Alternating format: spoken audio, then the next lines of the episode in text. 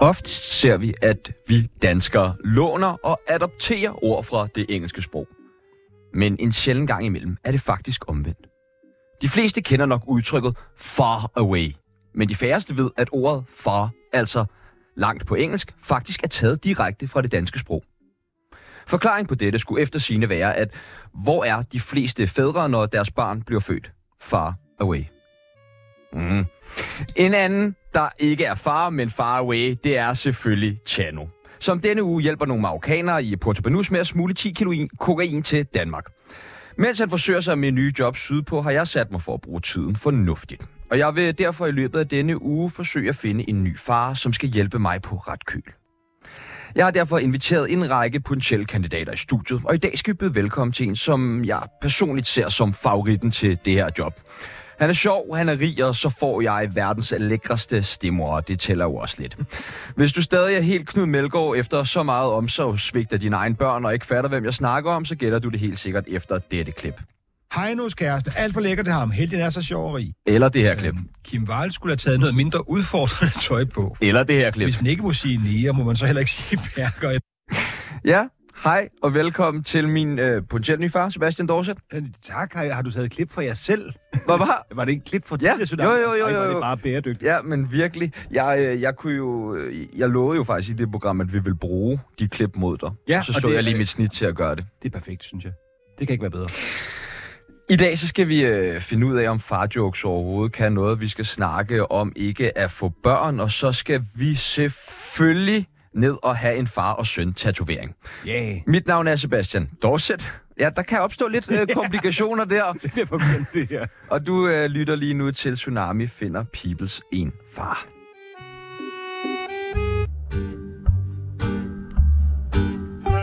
Tsunami. Det er fandme mærkeligt.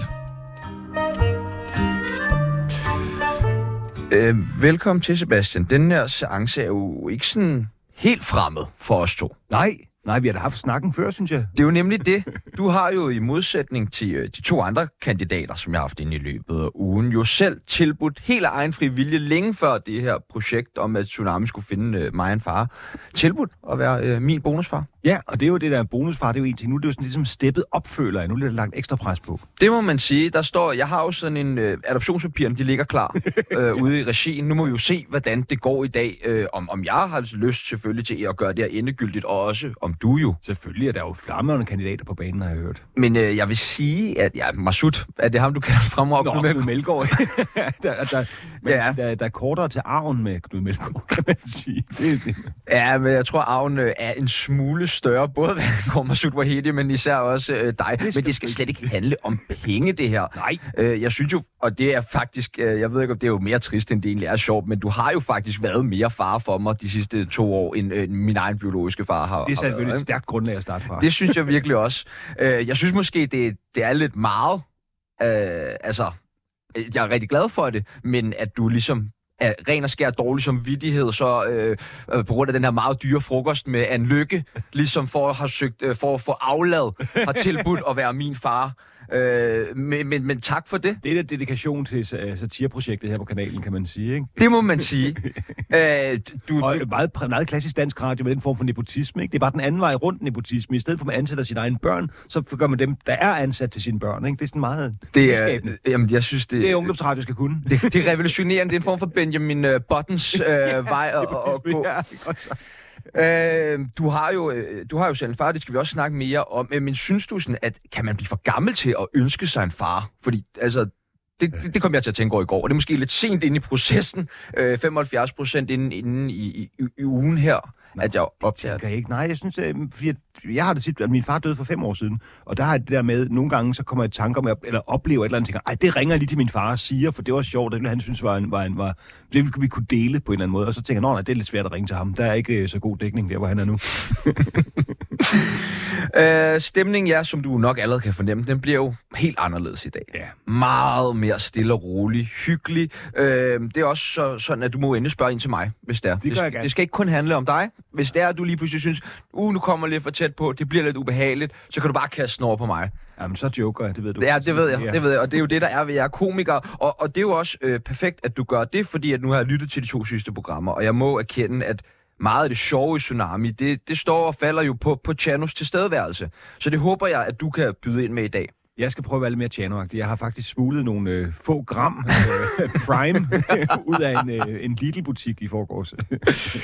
Øh, jeg vil gerne lige starte med at varme dig op, og det gør vi ved det, der hedder sådan ja eller nej, meget, meget innovativt. Men Jamen, jeg, det er det, det, jeg ville være skuffet, hvis det ikke var her. det er lige præcis det. Og, øh, men øh, det er jo lidt specielt i den her uge. Der skal du forestille dig, at du er øh, ja, min far, eller en form for væve i hvert fald, Ja. for øh, den 31-årige øh, Sebastian Peebles. Du kunne se mig lidt som en form for, for Britney Spears. Yes. Radioens Danmarks svar på, øh, på Britney Jeg har Spears. faktisk tit set dig som... Det er du ikke den første, der siger. Jamen, øh, lad os kaste os ud i det.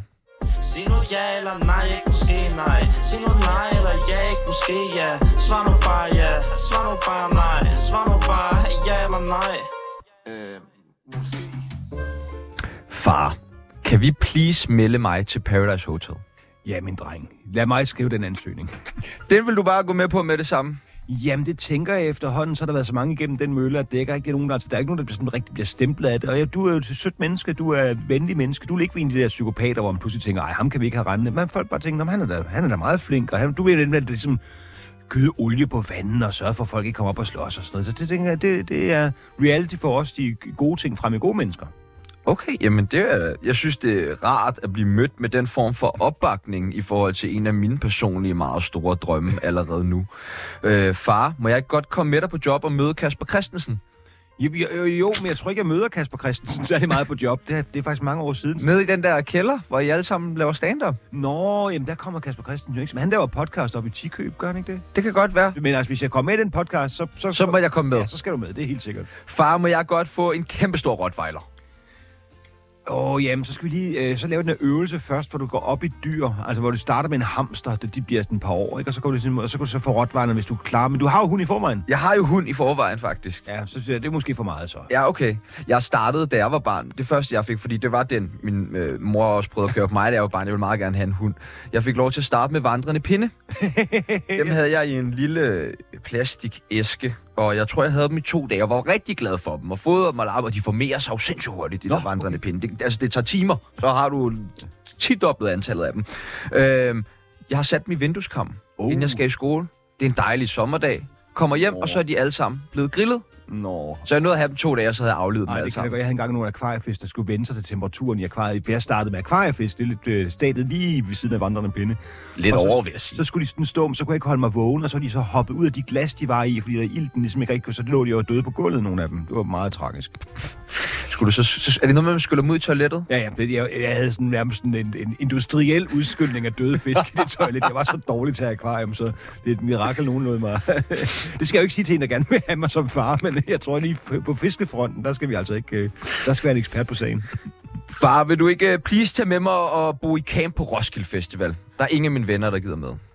Jo, det tror jeg faktisk kunne være hyggeligt. Så ville du have sådan en øh, fornuftig, rutineret ældre mand, der så skulle sige, nej, nu, nu har du fået... Trænk, jeg sætter gummistøvler med. Nu, ja, Og... præcis. Nu har du fået smack nok, og nu, er der, nu, skal, vi, nu skal du have en dansk vand, min dreng. Det vil være, og så kan jeg også holde dig, øh, kvinderne væk. Ja, hvordan? Jeg er ved at være Jeg har da set, hvilke kvinder, der sværmes om dig. Det er kun en, der sværger om. Det gør hun fandme også godt. Det er, hun tæller også for mange. Far, kan vi ikke please blive Brøndby-fans? Det må du gerne gøre selv. det tror jeg altså ikke. Det tror jeg, i fankreds er det sådan noget med, når man først har været ude som fan af en klub, så kan man ikke bare pludselig sige, nu holder jeg med nogle andre. Jamen, hvis det nu betød virkelig meget for din 31-årige søn. Stod med ham på sydsiden. Bare Lige det gult og blåt tørklæde. Jamen, kunne vi tage til neutrale tribuner, så jeg godt tage med dig til Brøndbys kampe, hvis vi kan stå et sted, hvor folk er fredelige og rolige. Og sådan. Vi kan godt tage til neutrale kampe, men kan du så tage et Brøndby-tørklæde på? Ja, for din skyld kan jeg godt. Okay. Og det synes jeg altså, virkelig starter godt ud af de andre. De vil slet ikke strække sig så langt på alt det. Der var slet ikke så mange jager. Jeg laver tegn til dem omkring, men han er, ikke, han er lidt tilbagestående. Han, er sådan, altså, han bliver meget glad, altså, han bliver meget ked hvis jeg tager det af. Det kan du bare skrive, jo. altså, altså, du kan bare skrive en Brøndby-fan. Du må sige, ej, dårlig joke. øh, far, må jeg godt flytte hjem til onkel Svending? Ja, har du snakket med... Har du, skal vi, det, det er lavet det samme som med hunden. Skal lige prøve et par dage, hvor du er der, inden vi snakker om, at du flytter. Jeg skal lige tage en aften med onkel Svending først, og se, om det, det er hyggeligt. Til- så- Til dem, der ikke følger dig på Facebook. Hvem er onkel Svending?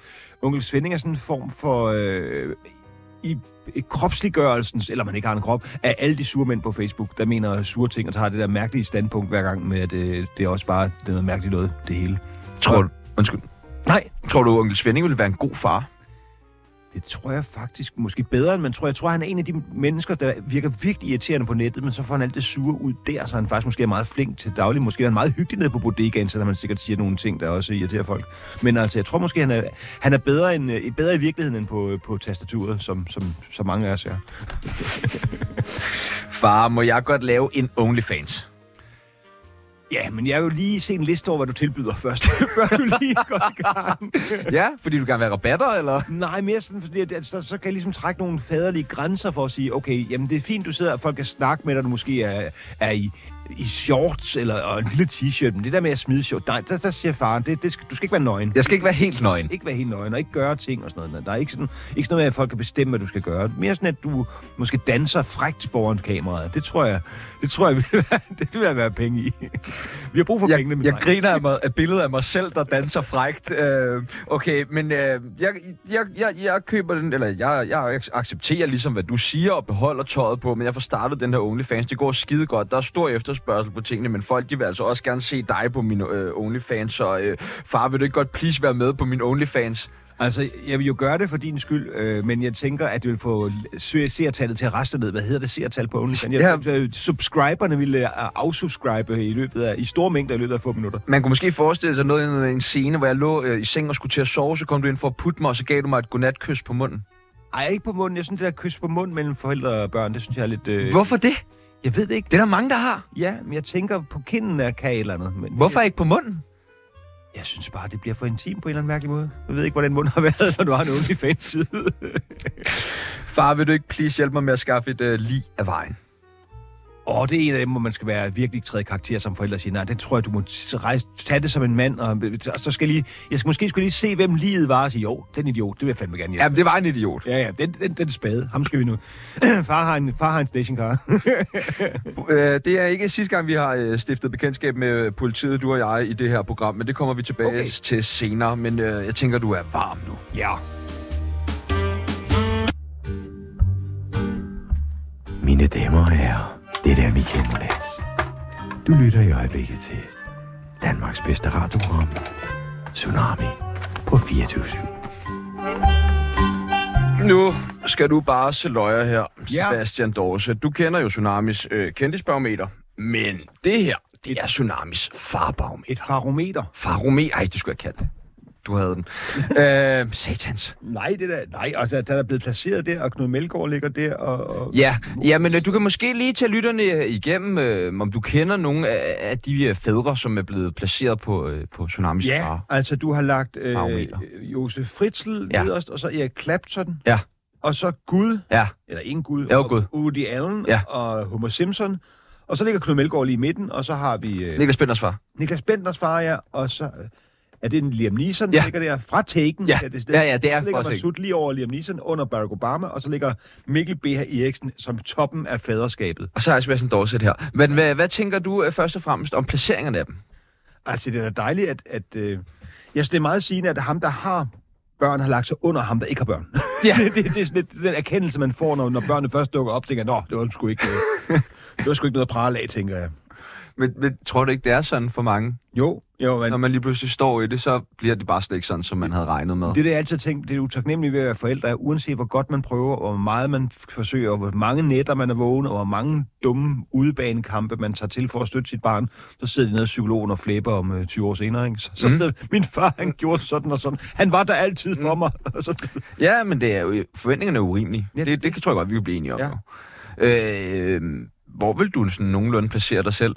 Altså, jeg vil jo sige, at du var en 125. Ah, du er så sød. Men jeg, jeg tror faktisk, nu har jeg jo ikke... Altså, jeg, min eneste erfaringer med opdragelse, og, og det er jo er de der akvariefisk, der hopper ud på gulvet og døde, og så min hund, som er fuldstændig umulig, og nærmest er den, der opdrager på mig. Så jeg tænker... Også rent humoristisk tror jeg godt, jeg ligger et sted nede mellem Woody Allen og Homer Simpson. Ja. Jamen, jeg tror også lige, I tre vil komme rigtig godt ud af det med hinanden. Ja, der er også et andet, der er lidt onkel Svending over Homer Simpson, og så Woody Allen har jo altid, han var en af mine største idoler, da jeg startede med stand-up. Øh, på, på humorfronten, skal jeg understrege. ikke parforhold. Ikke på, ikke på farfronten. Ej, nej, altså det tænker jeg ikke lige... Øh... Det er til den grove side. Det ligger lidt, det, der, der leder han lidt tilbage at ønske. Det, er- det kunne godt være... Ja, der er enkelte par parametre, der kunne forbedres der. Bare med valget.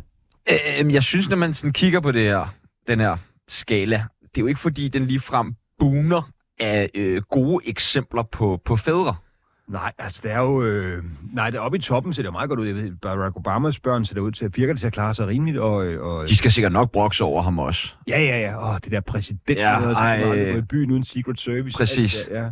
Men Liam Neeson, han er sådan en, hvor man tænker, altså, jeg så engang et talkshow, hvor var det øh, Bruce Willis og øh, Samuel L. Jackson, der sad og snakkede om, hvor grineren det var at have teenage-døtre, når, når de fik en fyr med hjem og bare sidde og give ham sit øh, filmskurkeblik, uden at sige et ord. What? Do they speak English and what? Jamen, det er også det med, du det må være så ondt at komme hjem til en af bare, man har set ind i fjernsynsdagen, for bare at dræbe 10 bad guys med, med albuen. øh, men øh, det, jeg egentlig tænker, det er... Øh, det er jo ikke, fordi jeg skal gøre dig til en ekspert på det her område, men hvorfor tror du, det er, er så svært at finde gode eksempler på fædre? Men er det ikke fordi, at vi kun, altså vi ligesom dyrker de dårlige? Det er meget nemmere at finde. Også fordi alle føler sig jo sikkert sådan dårlige. For selv de bedste forældre føler jo, at de har svigtet og øh, vil, vil undskylde over for deres børn på et eller andet tidspunkt. De, ja, hvor, hvorfor gjorde jeg også sådan, jeg er idiot? Altså det er jo sådan noget, man sidder som forældre og tænker over altid. Hvorfor gjorde jeg ikke tingene på en anden måde? Så der er måske ikke nogen, der bare... Måske det er et tegn på en lille smule psykopati, hvis jeg hold kæft, en fed far jeg er. Altså, er det ikke ret sigende? Der har lige været en sag igen. Alle dem, der skriver bøger om opdragelse, de viser sig altid at være nogle kæmpe spader, der har alle mulige lige i lasten. Og øh, var det ikke Rousseau, der skrev den første bog om opdragelse, hvor han sender sine børn på kostskole, så han har fred til at skrive den? Du ved, det er bare den anden eller andet. Fuck ja. Så sidder de hjemme og skriver, nej, det man gør med børn, det er ikke flere triggerbreve fra jer. Far skal skrive. Men, men, men, men tror du, at det bare er sådan en mandeting? Nej, Eller er det bare... nej, min mor er da også undskyld over for mig, de ting, hun har gjort, og hun synes, hun har svigtet og sådan nogle ting, og man bare sige, det er lidt, altså, for det første, man gør jo sit bedste, og man kan virkelig mærke, altså hvis forældre gør deres bedste, for eksempel ved at blive, det er sådan et, et primært, kan man sige, det første krav, ikke? Det, det synes jeg ligesom er et kriterie, der på en eller anden på en eller anden måde er nødt til at være opfyldt, ja. Ja. for at man kan kalde sig selv bare tilnærmelsesvis en, en god forælder. Sådan noget fjernopdragelse, hvor man sender en sms en gang om måneden. Ja, det virker bare en mail. Det var jeg på med min far i de første par år, efter han var skrevet, ikke? Ja, okay. Og så æbbede det helt ud. Ej, øhm, det er ikke godt nok. Det må Ej, jeg sige. det, Det er, var, jo- ja. det er lidt over par. Ja. Øh, Kender du... øh, Du har jo selvfølgelig ha- haft en far, som du har været meget glad for. Ja. Øh, men øh, er der en anden, som du tænker... Ikke fordi du skulle erstatte ham, men du tænker, åh, han kunne også have været en fed far. det ved jeg faktisk ikke. Altså, det, ville være sejt som lille, at ens far var Liam Neeson, tænker jeg på, ikke? Altså, men, men jeg har sådan noget, nogle gange, så møder jeg sådan nogle mænd, der er i den alder, hvor de kunne være mine fædre, hvor jeg tænker, åh, det der med den der ro, der er, det der med, også, også når, når Knud Melgaard, som var gæst i går, det der med, de bare ligesom har været igennem det hele, og tænker, ja, sådan er jeg, jeg kan ikke ændres, det er sådan, jeg er. Og det, det synes jeg giver en dejlig ting. Jeg kan huske, øh, Jens Olof Jersil fik lidt den vibe fra, da jeg mødte ham i et eller andet radioprogram engang. Det der med, at, at du ved, det er bare en mand, der sådan, ligesom hviler i sig selv, og går klædt, som han du må gå engang går klædt, og ikke tænker så meget om, hvad andre tænker om ham. Det, men jeg vil sige, øhm, jeg ser fodbold sammen med nogle fyre, som øh, så s- logisk nok er på min alder, og det synes jeg, de er, gode, de er gode fædre. Det er nogle super fædre. Hvorfor? Fordi, åh, det ved jeg ikke, om jeg skal sige, fordi de også tør tage kampen om, hvordan man skal gøre med de børn. Der. Fordi de har deres egen holdning, og ikke bare lade, det, det står mor for. Spørg mor, om du må. Altså ligesom siger, nej, jeg, jeg tager ligesom beslutningerne også. For min holdning er også god, for jeg tror, det er vigtigt, at børn bliver opdraget af en ej, hvor godt til at lyde som en eller anden der fra det program, der var her for lidt siden. øh, Kom så ud med alt det borgerlige og konservative. Nej, men jeg tænker bare, at jeg tror, det er godt at have en far i sit liv. Jeg tror, det er godt at have en, der siger, jamen altså, jeg kan huske, da jeg var en lille dreng, ej, altså. Så på et tidspunkt, og jeg, det er noget af det første, jeg kan huske, det, det har været sådan noget juleaften, så der er et stearinlys på bordet, og så rækker jeg min lille barnefinger frem mod stearinlys, og min mor vil straks slå den væk. Og min far siger, nej, lad ham gøre det, så lærer han det varmt. Og min far tænker lynhurtigt, han tænker, stearinlys, det er ikke farligt. Det er ikke sådan noget med, at han får en kæmpe øh, brændsår. Han brænder sin lille dumme finger en lille smule, så ved han, åh, oh, det skal jeg holde mig fra. Og det var det, jeg gjorde. Jeg brændte mig, og så blev jeg ligesom stearinlys er varm. Og det, jeg blev en kæmpe pyroman alligevel, men mm. det er sådan en anden. Det, og det ved vi. Det ved vi alle om. Men, men det er bare sådan, jeg tænker, den form for opdragelse, tror jeg, fædrene skal stå for. Og, og, og møderne kan selvfølgelig, min kæreste er skidegod til at være den form for mor, hvor hun også siger, det kan jeg simpelthen ikke blande mig i, det må jeg bare give slip på, for jeg kan ikke være der hele tiden. Jeg må ligesom bare satse på, at, at han finder ud af, at, hvad han skal gøre og ikke gøre. Så det, det, det, er jo ikke, det er jo ikke alle møder på nogen måde, men jeg synes bare, den der fædre ting at give slip, når de er ude, øh, jamen, så må man bare stole på, man har, givet- man har rustet dem godt nok, og så, øh, så må man håbe, de, de, klar, de træffer nogle gode beslutninger. Altså, jeg tror lige det, der du siger, for mit vedkommende, der er det totalt meget altså, hoved på sømmet. Jeg, jeg havde en- en meget overbeskyttende mor, som, øh, som jo sad med en stor del af ansvaret i, i min opdragelse, og gjorde jo, at jeg ligesom, jeg blev skærmet fra en masse ting, og troede, at alting ja. var, var meget farligt, og ligesom ikke gjorde mig så mange af mine egne erfaringer, før jeg ligesom blev lidt ældre, og så kom man lidt ud med den der, hov, jeg, jeg døde faktisk ikke af Ja. at drikke de her 10 øl, eller sådan Nej, noget. Og, præcis. sådan, Ja. og så bliver det, ja. Øh, så det kan godt være, det, det er godt for, fordi jeg tror, mange drenge har det der med, at de skal, de skal lige prøve tingene af, de skal lige mærke det i hænderne, de kan ikke bare læse det i, i en bog Nej, nej. øh, de skal mærke smerten på egen krop, før de ligesom kan, kan, kan få læring ind. Og der er fædre, som du siger, nok bare langt bedre til ligesom bare at sige, jamen så må du da bare lige falde og, og slå hul i panden, og så Ja, op derfra. igen. Op igen. Øh, du er jo noget af en menneskekender.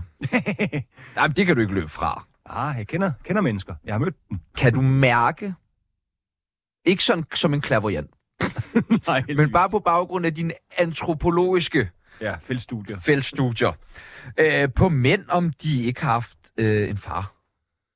Øhm, apropos gamle mænd, jeg mødte i radiostudiet, så talte jeg i gang med øh, Reimer Bo, som havde været op og lavet en, en øh, reportage med fra Sirius-patruljen.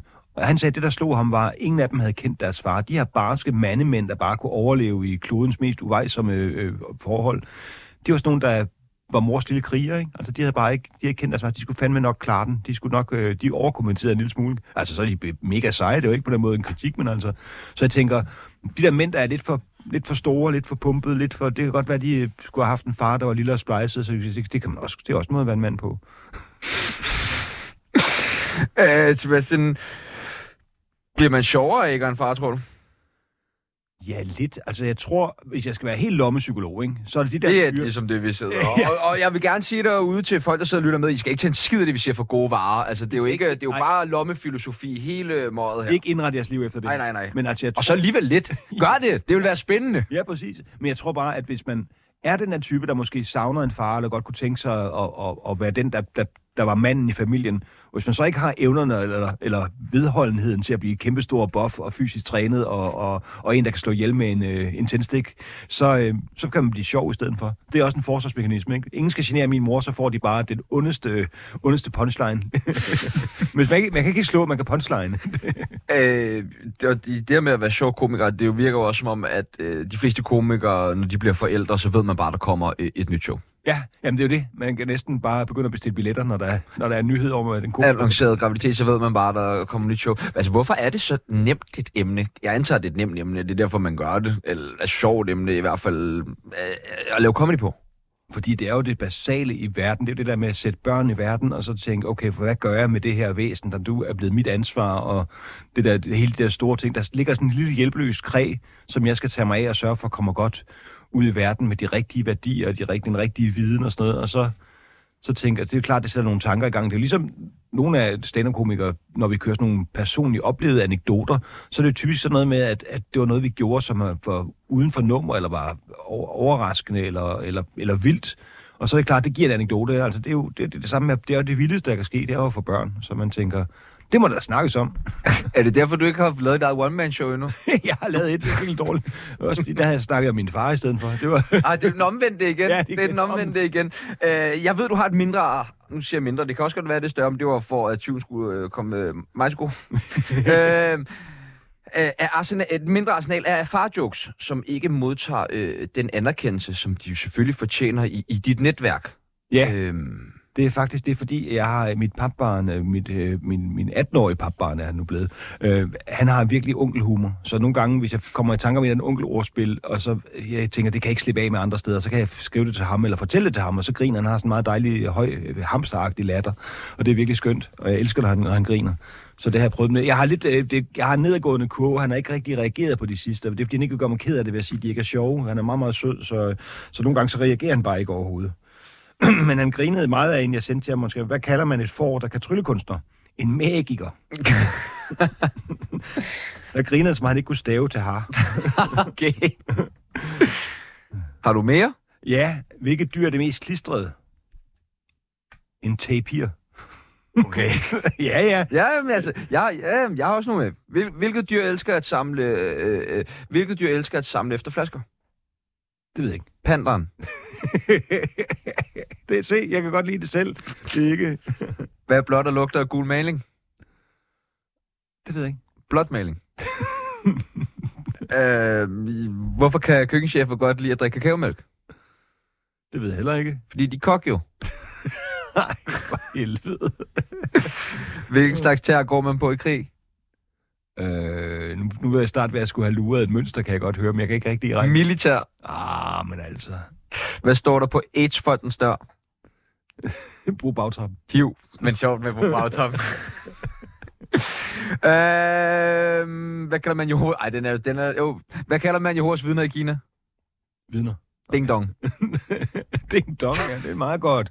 Tak, tak, tak, tak, tak, tak, tak. Har fart jokes nogen som helst plads i comedy?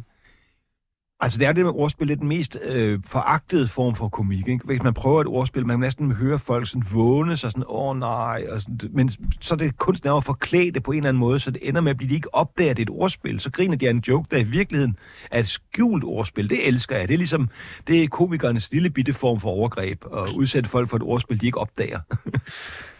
Øh, jeg, jeg, jeg har også lagt lidt mærke til nogle gange, når man sådan her i, i radioregi, og når vi ja. nogle gange skulle spare med andre forskellige folk omkring Tsunami, så øh, er der nogen, som byder ind med, hvis jeg har et sjovt navn til et koncept. Ja. Altså, det er det sjove navn, det er ligesom det, men så er der ikke noget koncept. Det, kunne, det altså, forstår du, hvad det Det ligesom... kender jeg alt for godt. Det Ja. har jeg gjort alt for tit selv. Så sådan, åh, det lyder mega fedt, hvis vi skal lave en quiz om det Ja. her med det her. Eller for eksempel, jeg har jo selv gjort det i det her manuskript, lavet en faderskabstest. Og det Ja. synes jeg jo bare, det passer godt med faderskabstest indtil det her format. Men det er jo ikke skid med faderskabstest. Nej, det er sådan noget med noget mundskrab og noget bløde. Ja, præcis. prøve noget, ja. Ja, det kommer selvfølgelig også senere, men det er Ja, ja, ja, altså kaldt det noget er helt andet. Ja. Øh, hvordan er dit forhold til din egen far? Jamen altså, det, det blev hævet lidt af, han er død. Ja, men, men nej, nej, nej, det, det er ikke noget. Det var, det var faktisk øh, lidt... Nej, men hvordan, øh, hvordan var dit forhold til? Jamen, det var meget øh, mærkeligt, tror jeg i virkeligheden, fordi han var sådan, altså, jeg så meget op til min far, som alle drenge, der kender sådan en, gør, øh, og, og var meget sådan, minder meget om ham på mange måder. Øh, gik ligesom ham og talte ligesom ham, da jeg boede hjemme, og, og der var noget, der hed en fastende telefon, skal jeg sige til de unge lyttere. Det var sådan en form for mobil, der var spændt fast til væggen, øh, og den eneste, man havde i huset. Hvis jeg tog telefonen, troede dem, der ringede til min far, at det var ham, de havde fået fat i, når det var mig, der tog den. Også selvom jeg præsenterede mig, så begyndte de bare at snakke til, til min far. Så øh, jeg lyder som ham, og går som ham, og, øh, og, og har sikkert også øh, på mange måder blevet meget præget af den, de ting, han mente. Ja, fordi du er jo egentlig mere eller mindre blevet også lidt det samme som ham, ikke? Du er Ja. uddannet journalist, han arbejder du også som journalist og Ja. skribent. Og, Teateranmelder og sådan nogle ting. Ja. øh, hvorfor tror du det? Du ser også, du så meget op til ham. Jamen, jeg tror måske, det var lidt mere tilfældigt, at jeg endte med at blive journalist, og jeg tror, det var lidt mere tilfældigt, at han endte med at blive journalist. Jeg tror bare, han har måske præget mig med de ting, han var god til, som jo fædre gør. Altså, hvis man, hvis, den, hvis man kan noget, så er det jo ligesom det, man giver videre til sine børn. Så det med at skrive har måske altid været noget, jeg, jeg følte, jeg kunne, og så, så er det meget naturligt at søge ind på journalisterskolen, for jeg havde jo den illusion, at man på journalisterskolen gik op i, om folk skrev godt. Og det gør man bestemt ikke. Nej, øh, ja, hvem, var der et eller andet i dig, som... Det kender jeg i hvert fald fra mig selv, men vi har jo også haft to forskellige relationer til vores fædre, men som søgte hans accept i forhold til... Helt sikkert, helt sikkert. Altså det tror jeg alle gør også det der med. Men min far var en meget omsorgsfuld far. Han var, bare, han var ikke så meget, han havde ikke så stor tålmodighed, tror jeg. Så nogle gange kunne det godt være sådan lidt svært. Jeg tror faktisk, hvis jeg har psykoanalyseret mig frem til, hvorfor jeg lavede stand-up, så er det mere fordi, at dengang jeg var barn, og da de voksne havde gæster, så måtte børnene ikke, det var så mig, jeg var ene barn, så måtte jeg ikke rigtig være med ikke som i dag, hvor de skal være centrum. Så, så jeg måtte optræde, så længe jeg var sjov, måtte jeg blive der. Det var sådan verdens hårdeste gongshow, bare med, med syv voksne, der sad og kiggede på barnet. Når barnet begyndte at virkelig øh, sludrende, så, så er det i seng. Og så, så, så jeg måtte blive der, så længe jeg underholdte. Der er nogle Der, hvor man til sidst begynder at danse foran webcam og til tøjet af, bare for... Præcis det er. Jeg, jeg var lige ved at starte en OnlyFans bare med øh, analog foran syv voksne. Men, men det var meget sådan noget med, jeg tog en sjov hat på og sagde nogle skøre ting, og så sagde nej, Sigge dog et underholdende barn. Og så når jeg ligesom dumpede, så er det bare tilbage i seng, ind og sov. Nu skal du høre os sidde og grine, ude i køkkenet hele dagen. Det er forfærdeligt sådan noget. ja. Jeg, øh, jeg, jeg, jeg fandt mig ikke i det, når mine forældre ligesom prøvede at sidde og have voksen tid med, med deres venner om aftenen og sådan noget. Så vadede jeg bare ud, og jeg begyndte at optræde. ja. Hvad er dit bedste minde med din far?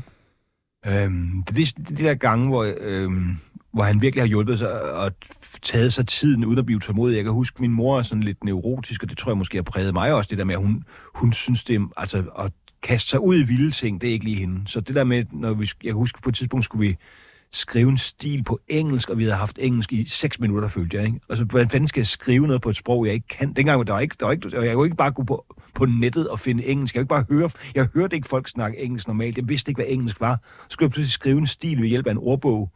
Så der min far sagde sådan, prøv, prøv, rolig nu. Nu starter vi bare et sted. Hvad vil du gerne sige på dansk? Så finder jeg ud af, hvad det hedder på engelsk. Og du ved, det skal ikke være perfekt. Alle ved, du lige har begyndt. Du skal ikke, du skal ikke være Shakespeare. Du skal ikke være noget som helst. Bare tag det stille og roligt. Og det der, det kan jeg virkelig huske. Der var jeg sådan, jeg vil lige vil sige positiv overrasket. Det er bare så forfærdeligt det der med, tag det nu bare et, et ord ad gangen, så finder vi ud af det. Hvad er det vigtigste, du har lært af ham? Er det det her med at tage det roligt, eller? Nej, det kan man ikke sige. Ej, øh, hvad jeg har lært af min far? Jeg tror, jeg har lært nogle ting positivt. Altså, mine børns papbørn øh, spørger nogle gange, jeg, nu kommer jeg til at kalde mine papbørn børn, var det smukt. Øh, mine papbørn spørger nogle gange, øh, ej, hvor, hvor, ved du bare meget? Og så siger jeg, Det gør du også. jamen, så skulle de bare have mødt min far. Det er simpelthen så ærgerlig over, at de ikke nåede at møde min far sådan rigtigt, da han var på toppen. Men øh, det kunne de jo af gode grunde ikke. Men altså, han vidste bare alt. Det er der, hvis man kører rundt i bil, og man siger, hvorfor hedder den by sådan, ikke? Så kan han ikke bare sige, hvorfor, han kan også sige, hvornår den er fra, og det på byer med den endelse. Min far havde det samme. Min far var simpelthen også bare vidst alt. Han var sådan en trivial pursuit guru. Ja. Altså, Ja. øh, skide god til noget small talk, altså altid god til sociale arrangementer, fordi han bare havde øh, øh, en ja. viden om, om mange forskellige ting. Ja. Det er meget sådan, det er en powerfar-ting at kunne. Jamen det synes jeg også, det er virkelig sejt, også det, hvis de andre drenge i skolen siger, min far kan banke din far, så ja, ja, men ikke i trivial. Mm, hvad... Mm, nej, men jeg skal lige finde ud af, hvordan jeg formulerer det her. Mm, har, føler du, at din far manglede noget i forhold til dig? Er der noget, du føler, du har manglet fra din far? Noget, du har savnet? Nej, ikke rigtigt. Altså tålmodighed, vil jeg sige, og så også måske øhm, min far i tiltagende grad, altså mere og mere i løbet af sit liv, så fandt han nogle underlige ting at gå op i, og så, så fyldte det bare enormt meget for ham. Og det tror jeg måske også, han selv var sådan lidt godt kunne mærke, at når han fik sådan en eller anden fix idé, så, øh, så, er det, så er det måske stået lidt i vejen, og det måske været lidt svært for mig at leve med, og det tror jeg, han selv var lidt præget af til sidst, han tænkte, Nå, det har måske ikke lige været det nemmeste at være, være søn i det der. Men det er da fedt, når forældrene kan nå til den Ja. accept. Det er jo ikke alle forældre, der, der nogensinde når derhen. Nej, for helvede. For. Desværre. Okay, du må, ikke, øh, du må ikke slå mig ihjel for det her, men Det øh, jeg jeg har fundet et 15 år gammelt citat Ja, fra et, øh, fremragende interview, du har lavet øh, med... Øh, det, det, jeg, ved, jeg ved ikke om det eksisterer stadig, det medie, men det var et, et, et godt medie. Det minder mig om en lille smule med skolebladet, der hedder Chili. Det hed Connery. Jeg Nå, ved- gud ja. ja. ja. Øh, men der har du udtalt, nej, men jeg tror ikke, jeg vil blive god far. Jeg egner mig ikke til det. Børn kan ikke forstå ironi, fordi de er virkelig dumme. Børn er faktisk ret dumme. Og så siger de dumme ting, og så siger man, ja, hvad tror du selv, din idiot? Og jeg kan også overskrift på det sidste, vores sidste program, det du var med. Jeg synes, børn er relativt ulækre. øh, hvor, men hvorfor tror du, at du vil være en dårlig far? Men jeg, jeg, jeg, tror, jeg...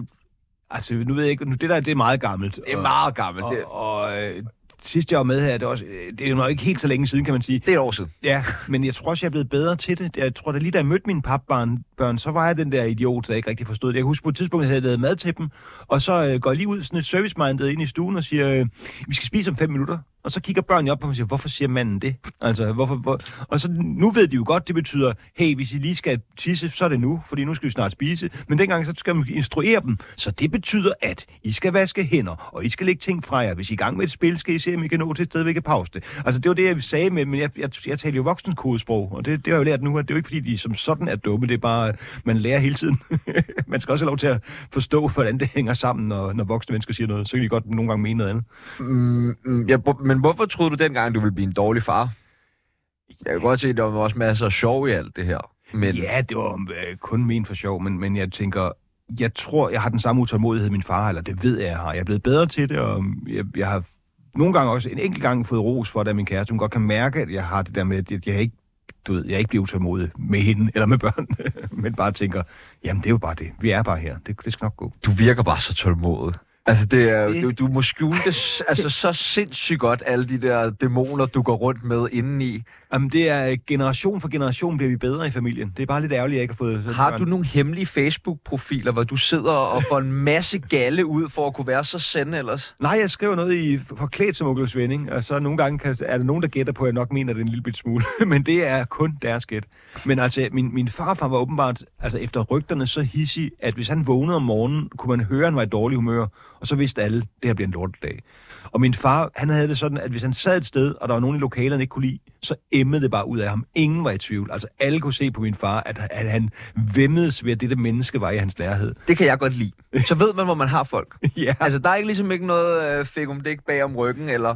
Nej, men jeg kunne bare mærke, jeg tror også, det er derfor, jeg er blevet relativt diplomatisk, fordi alle kunne bare ligesom mærke på min far, at det der, det var bare et afskum, altså, som han virkelig ikke havde nogen form for ønske om kontakt med. Og så var jeg ligesom, hey, hvad hvis jeg nu står og jonglerer her med to bolde om bagved? Uh. Men er du så meget din far, at du også får det sådan med nogle mennesker, men bare er blevet meget bedre til at skjule det? Jeg er opmærksom på det, fordi jeg kunne se på min far, at han ikke kunne skjule det. Så det er ligesom blevet bedre til at give hånd til nogen. Men kan du også godt tænke virkelig grimt om nogle mennesker nogle gange? Som det, det er måske... meget få. Med alderen er blevet simpelthen så afrundet, så det er, det er meget få mennesker, jeg har det. Altså, så skal det være folk, der virkelig har gjort noget ondt over for nogen, jeg holder af. Ikke? Altså sådan nogen, der virkelig har været nogle dumme svin over for. Eller folk, der skriver ting. Sådan, altså, der er jo en tendens på nettet til, at folk bare skriver noget for at gøre andre mennesker kede af det, som jeg ikke rigtig forstår. Jeg forstår godt, hvis man siger dem imod, det er noget helt andet. Men det der med at bare skrive det ledeste, man kan komme i tanke om, for så har man det bedre selv, det synes jeg, der kan blive så rasende. Hvorfor tror du, at du ikke har fået børn? Jamen, jeg tror... Øhm, der er to årsager. Jeg troede ikke, jeg ville blive en god forælder. Så det der alder, hvor man er i, hvor man ikke rigtig tænker over det, men bare har en kæreste, når man er 23, og tænker, ja, klart, vi skal være nogle flere herhjemme i huset, hvor det kører så skide godt. Øhm, den, der havde jeg ikke nogen kærester den alder, så det var ligesom, der, den, den, der, der, der dodgede den bullet der. Og da jeg så begyndte at komme og få kærester, så først havde jeg en, som heller ikke ville have børn, og det var meget praktisk, og så fik jeg en, som virkelig gerne ville have børn. Og så fandt vi ud af, at jeg var blevet så gammel, min sædkvalitet er helt vildt elendig, så vi kunne ikke få det uden hjælp. Så det var ikke, der, kunne ikke, der kunne ikke komme barn af sig selv. Så det var, det var en god sikkerhed, kan man sige. Det var virkelig, øh, hvis nogen var nervøs over, at der var et kondom, der var sprunget i løbet af mig, kunne bare sige, intet problem. nu begynder du at lave sjov. Nej, nej, nej.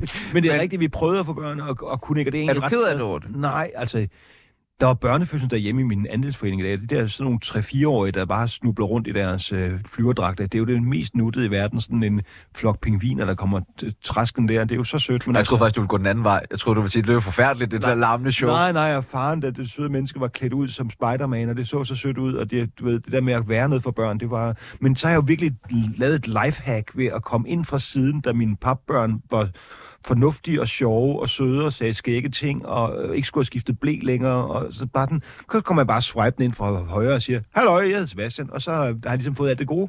Og så ikke øh, alt det der med at skulle vågne om natten, og, og de kunne ikke sove, og de er bange for, at der ligger en under sengen og sådan noget. Så, øh, så det, det, det synes jeg er gået rigtig, rigtig smart. Det, det, det, det kan jeg trick, jeg kan anbefale, hvis nogen møder en, der har børn. Det skal man ikke være bange for. Det er bare at stå til. Jeg, jeg synes helt ærligt, at det, øh, det, er, jo, det er jo sikkert way out of mig øh, at, at skulle sige det, men jeg synes, det er ærgerligt. Altså, verden er fyldt med dårlige fædre, og jeg er helt sikker på, at, at du var blevet en, en rigtig, rigtig god en. Men er det ikke det klassiske med, at dem, der bare kaster sig ud i at blive fædre, de ikke rigtig har tænkt over, hvad... Altså, fordi det skal nok...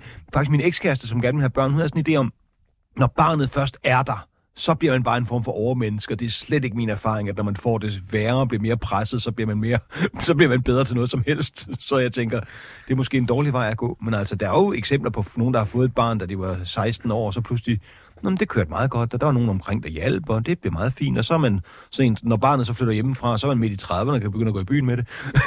det lyder fremragende.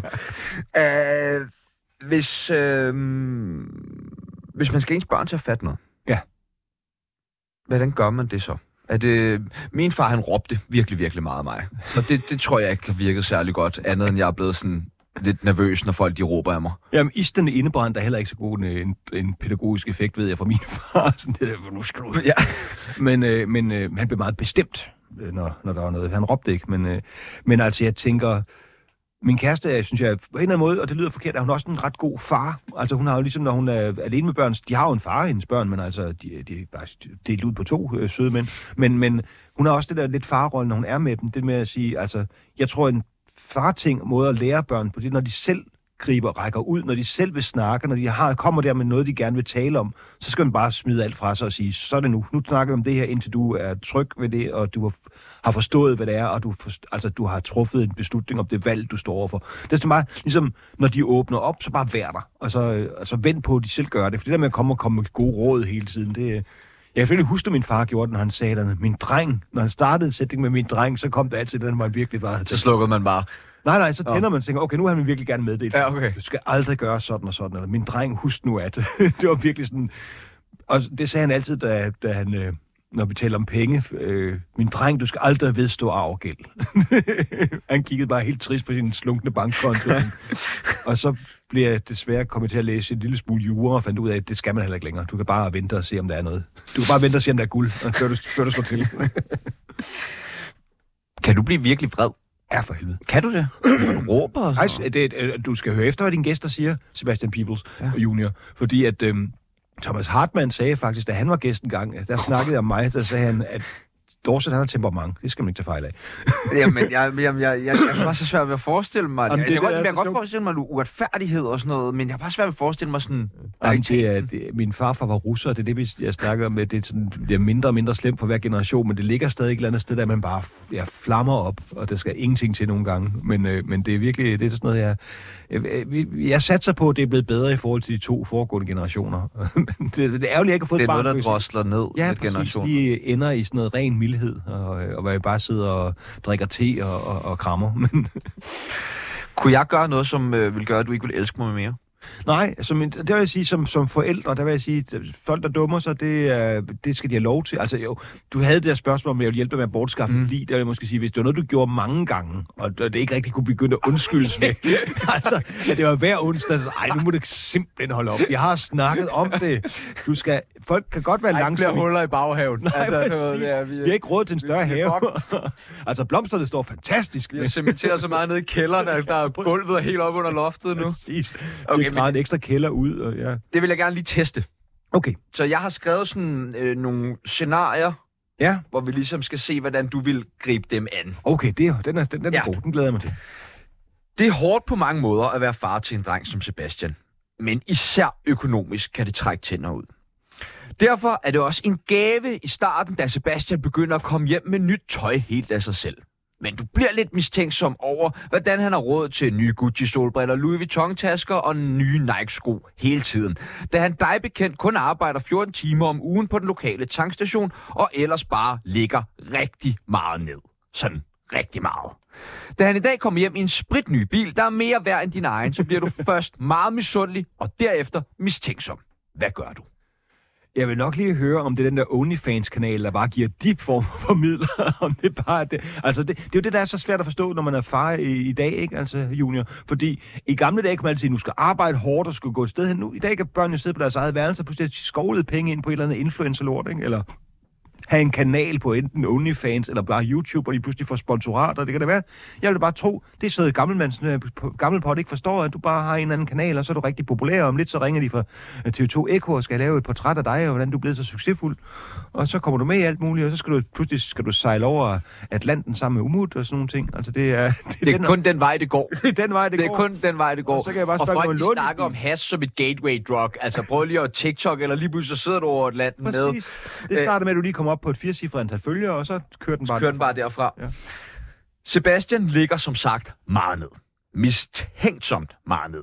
Du beslutter derfor en dag, hvor han er på arbejde på tanken, at gå ind på hans værelse. Det stinker som sædvanligt af has, men det har det jo gjort længe, og lugter alle hjemmeboende drenge ikke en lille smule. det er rigtigt jo. Sådan er forældre. Jeg, de, man vælger at tro på, hvad man vil som forældre ofte. Det er mit indtryk. Men, men, men jeg har jo selvfølgelig ikke haft dig som forælder endnu. Du går selvfølgelig straks hen til sengen, som ved første øjekast ligner den ganske almindelige IKEA-seng, I har købt sammen. Så det er svært for dig at gennemskue, hvorfor den er så fristende at ligge i. Men der er nogle ujævnheder under lanet, da du, og da du fjerner det, finder du 130 kilo hash. Det ved du, fordi der er en lille følgesel med, hvor der er angivet 130 øh, kilo marokkansk hash. Hvad gør du? Ja, den er jo lidt værre, fordi det er jo et, der er jo ret vilde straffe for, hvad den, der ligesom lægger hus til 100 kilo hash. Så Men nu bliver du egoistisk lige pludselig. Ja, der tænker jeg, at en af os skal jo være ude i friheden, så hvis der skal besøg, besøg og hentes noget og smugles, Smugles noget ind. smugles noget ind, det skal der ligesom være en udefra til at gøre. Så jeg nok lige altså, prøve på en eller anden måde, altså hvis, hvis der er mere plads ude i haven, kunne man måske... Så du vil hjælpe med at, at komme af med det, måske?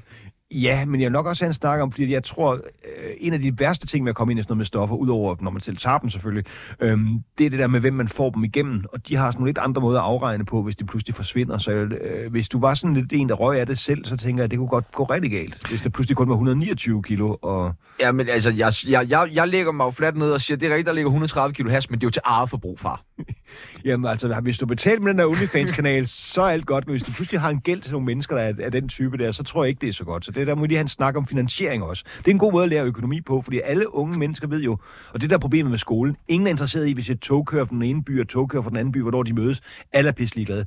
Men sådan noget med at lære, hvis du har købt 130 kilo hash af en, der, der, der har et rygmærke, og, og der så forsvinder 3 kilo hash, og du ikke har pengene, hvor mange Så- fingre koster det? Ja, præcis. Det er ikke, hvor mange kilo has der er tilbage, hvor mange fingre koster det. Præcis, det der. Og den, det regnestykke, tror jeg, er en god måde at få dig interesseret i matematik på. Også ved at den, der, den pædagogisk ligesom kommer ind og siger, okay, hvad gør vi her? kan Hvad er renter? Hvordan fungerer det? Hvad er dumme bøder? Hvordan fungerer det? Jeg, jeg elsker, hvordan du ligesom forventer situationen til øh, at notche mig ind i noget læring. En, altså, pædagogisk, det, en pædagogisk udfordring. du bliver kontaktet af politiet, som gerne vil have dig ind til afhøring. Og de Ja. spørger flere gange ind til din søn Sebastian. Og om du er opmærksom på, at han sælger og importerer hash, kokain og muligvis også mennesker. Hvad gør du? Altså det med at importere mennesker, der synes jeg, det er bare fordi, du er sådan et kærligt barn, der bare gerne vil have, at folk, der har det svært, skal have mulighed for at få det lidt nemmere og lidt bedre. Øh, og du, du vil gerne dele ud af alt det gode, du har. Altså, Det kunne jo være mine gamervenner fra rundt omkring i verden, Præcis. jeg gerne vil hjælpe Sådan er det. Altså, det, politiet forstår ikke de unge mennesker i dag. De har venner, som de kun kender, kender online.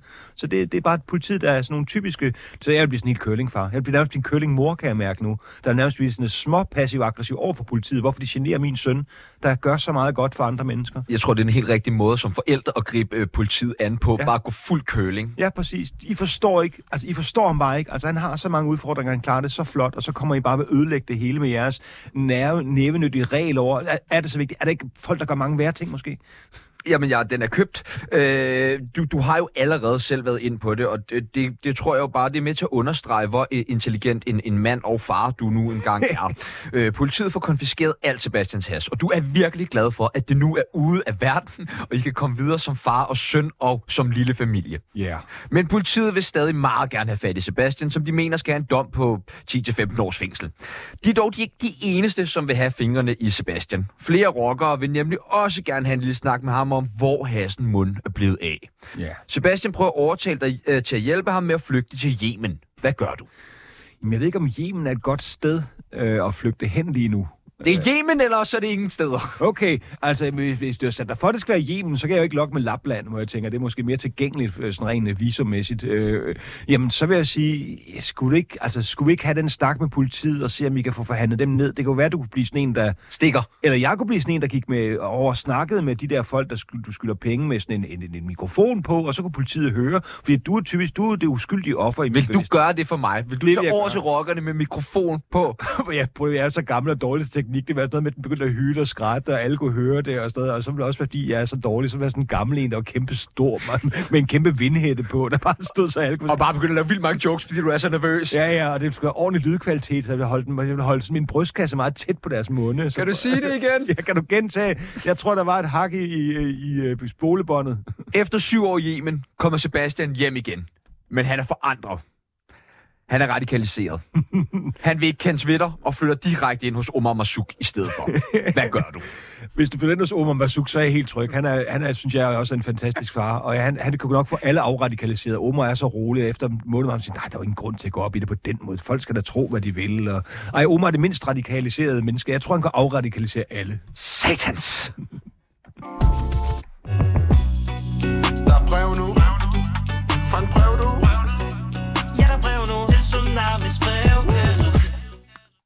Tiden er ved at, at rende fra. Jeg havde faktisk planlagt øh, meget, meget mere, men det, det er det, der er så fedt. Man ved, at man har hygget sig, i hvert fald Ja. personligt, øh, når man ikke har nået alt det, man skulle. Det er nemlig det, og det er også altså, det er sjældent, at jobsamtaler bliver næsten en time lange. Det, det er korrekt. øh, vi har fået en masse brev fra en masse elendige fædre. Ja, Skal vi ikke se, om vi to vi lige kan nå at hjælpe dem, inden øh, vi smutter ud af det er jo faktisk derfor, at sådan et program som De Unge Mødre er så succesfuldt. Det er jo fordi, at folk kan se det, så de er ikke pludselig de værste møder længere. Det er jo lidt samme, hvis vi får brev Det- fra dårlige fædre. Så vi Er det ikke hele, altså kernen af reality-tv? Jo, få det bedre tv. Det, jeg er i gang med at, at, at købe noget bolig nu og sådan noget, og så sidder jeg bare og sætter beliggenhed hele tiden. Og sådan, ah, har I ikke mere at købe for? Ah, er det det der? Ah!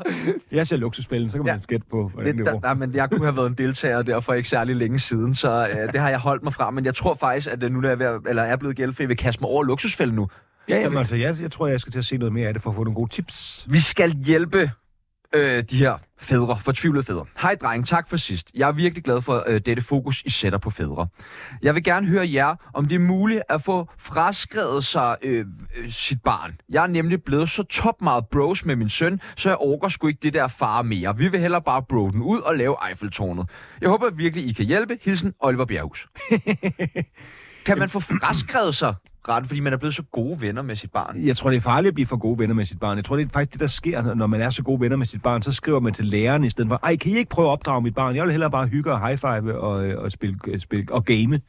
Er, er det, øh, tror du, det er mm, nemmere at... Jeg ved ikke engang, hvad jeg vil sige. Jeg tager min tråden der, fordi jeg sad og prøvede at finde noget musik også til. Det er lidt svært, når man er alene skal stå Ja, det er jo det, du har ikke... Du, øh, du, producer, det er jo ikke også, nogen der, du har ikke øh, nogen far, du har ikke nogen Tjerno, det har er ikke hele nu nogen- det får hele ud, og jeg kan ikke hjælpe med teknik. Jeg er så ked af det, men det er virkelig dårligt. Jeg kunne, kunne få det her studie til at bryde sammen med tryk på én knap. Vi har heldigvis flere dilemmaer, så vi danser bare videre. Hvad så, boys? Jeg er simpelthen øh, så fertil, at jeg nu venter mit 8. barn. Jeg må ærligt indrømme, at jeg gad ikke engang have haft det første. Jeg vil virkelig ikke spørge om noget. Jeg vil bare fraråde alle at få børn, især 7-8 stykker. I ved, hvem jeg er. Jeg er fransk klon på ekstra Bla- Nå, det var vist bare en... det er svært for mig at skrive denne Instagram direct message til jer, men jeg er en meget særlig type far. Udover at være en berømt sportsstjerne, så har jeg også reklameret for skældshampoo. Men det er ikke derfor, jeg er en særlig type far. Jeg er nemlig skabshomoseksuel. Hvordan skal jeg fortælle mine børn det med venlig hilsen den hæse? Altså, det er jo fantastisk at være, hvis man først får børn, og så springer ud, fordi så kan man sige, så, Så har børn i dag, de har, jo, de har jo et forbillede, de kan sige, det er min far, han turde, han tog det der spring og, og, og stod frem til, hvem han var, ikke? Så når børnene kommer og har et problem, så kan far altid bare lige toppe den og sige, prøv at høre, se det hate, jeg møder som, øh, som skabshomoseksuel, og så har jeg bare fået helt fra alle sider bagefter, så det, i, Så det er bare at springe ud i det. ja, det tænker jeg helt klart, at hvis man, det man kan kun vinde på det i... i, øh, i, i også den unge generation er så tolerant, ikke? Altså, der er jo ingenting, der kan være forkert for de unge. De vil bare acceptere alt og alle, så det er jo det, det bedste at være... Det er jo meget svært at springe ud og få sine forældre, end at springe ud og få sine børn, vil jeg tro. Hola amigos, jeg troede, at jeg var i og også så privilegeret, da jeg for mange år siden fik ikke en, men hele to sønner. Chancen for, at en af dem skulle følge i mine fodspor og bygge videre på familiens eftermæle, var kæmpestor. Desværre blev de begge to nogle semidebile fuser, der ikke har gjort andet end lukrere og tilsværte mit, øh, tilsværte mit navn til. Hvordan får jeg dem dog til at skifte øh, navn? Med venlig hilsen, mister. Det var ikke sødt. Det var ikke sødt, junior. øhm, Nej, men øh, nej, altså, nej, undskyld, øh, masser, undskyld, har, har jo ikke... masser af fremragende. Han er blevet blevet ny on-site-vært, ikke? Det, var, altså, det er her, hvor øh, man mærker misundelsen, min dreng. Det er Ja. Ej, Nej, men, det skulle jeg ikke være for fanden til. Ej, men det, er jo, det må også være sindssygt, det der med at have et, altså, en, en far, der er så markant inden for alle. Det er jo igen det der, hvor man tænker, der vil jeg være en god far, for jeg klarer det sådan utrolig middelmådet inden for alle. sig. Det, gør, det, det, det, det der med at skulle leve op til sin far, det, er det må være sindssygt. Det må være hårdt. Ja, og der, det har jeg jo lidt med, med min far, fordi der, er især på Fyn, hvor han skrev mange år, der er mange, der synes, min far var så klog, og så kigger de på det der klunt, det der klamp, jeg sidder og hugger sammen, og tænker, ja, jo. Min far sagde altid, æblet falder ikke langt fra stammen, men pæren, min dreng, men pæren. Jeg synes ikke, du er nogen pære. Nej, men det var det, han, han følte måske, at, at jeg ikke nåede det helt det samme en, akademiske en, niveau. en lysende pære. Nå, du er sød, men uh, min f- jeg tænkte, han sagde det også med et glimt i øjet, men uh, ja. Sebastian, far, Dorse. Ah, ja. Hvad hvad er der, junior? Det har virkelig været hyggeligt at se dig. Det var så dejligt. Tak, min dreng. Det, øh, det betyder meget for mig, at, Jamen, øh, at, at du gider at bruge din tid sammen med mig. Det gør jeg altid. Ja, fornøjelse. Øh, jamen, øh, det var egentlig alt for det her, hvad skal man kalde det, lille special øh, serielle format, der har kørt, som øh, Tsunami finder Peoples en ny far. I morgen, der øh, sender jeg Panasset sammen med Jøden, Ane Høsberg og Anna Thysen. Det kommer til at handle en lille smule om far, men også om en masse andre ting. Og øh, bare rolig, kære lytter. Fat mod. Tjerno, han er tilbage i næste uge, og så kan det jo være, at det bliver en lille bitte, bitte, bitte, bitte, bitte, bitte smule sjovt øh, igen. det har været meget hyggeligt at være med i hvert fald. Det har været øh, en kæmpe fornøjelse, og du har øh, bestemt været sjov. Tak, lige mod. Nu er det tid til nyhederne.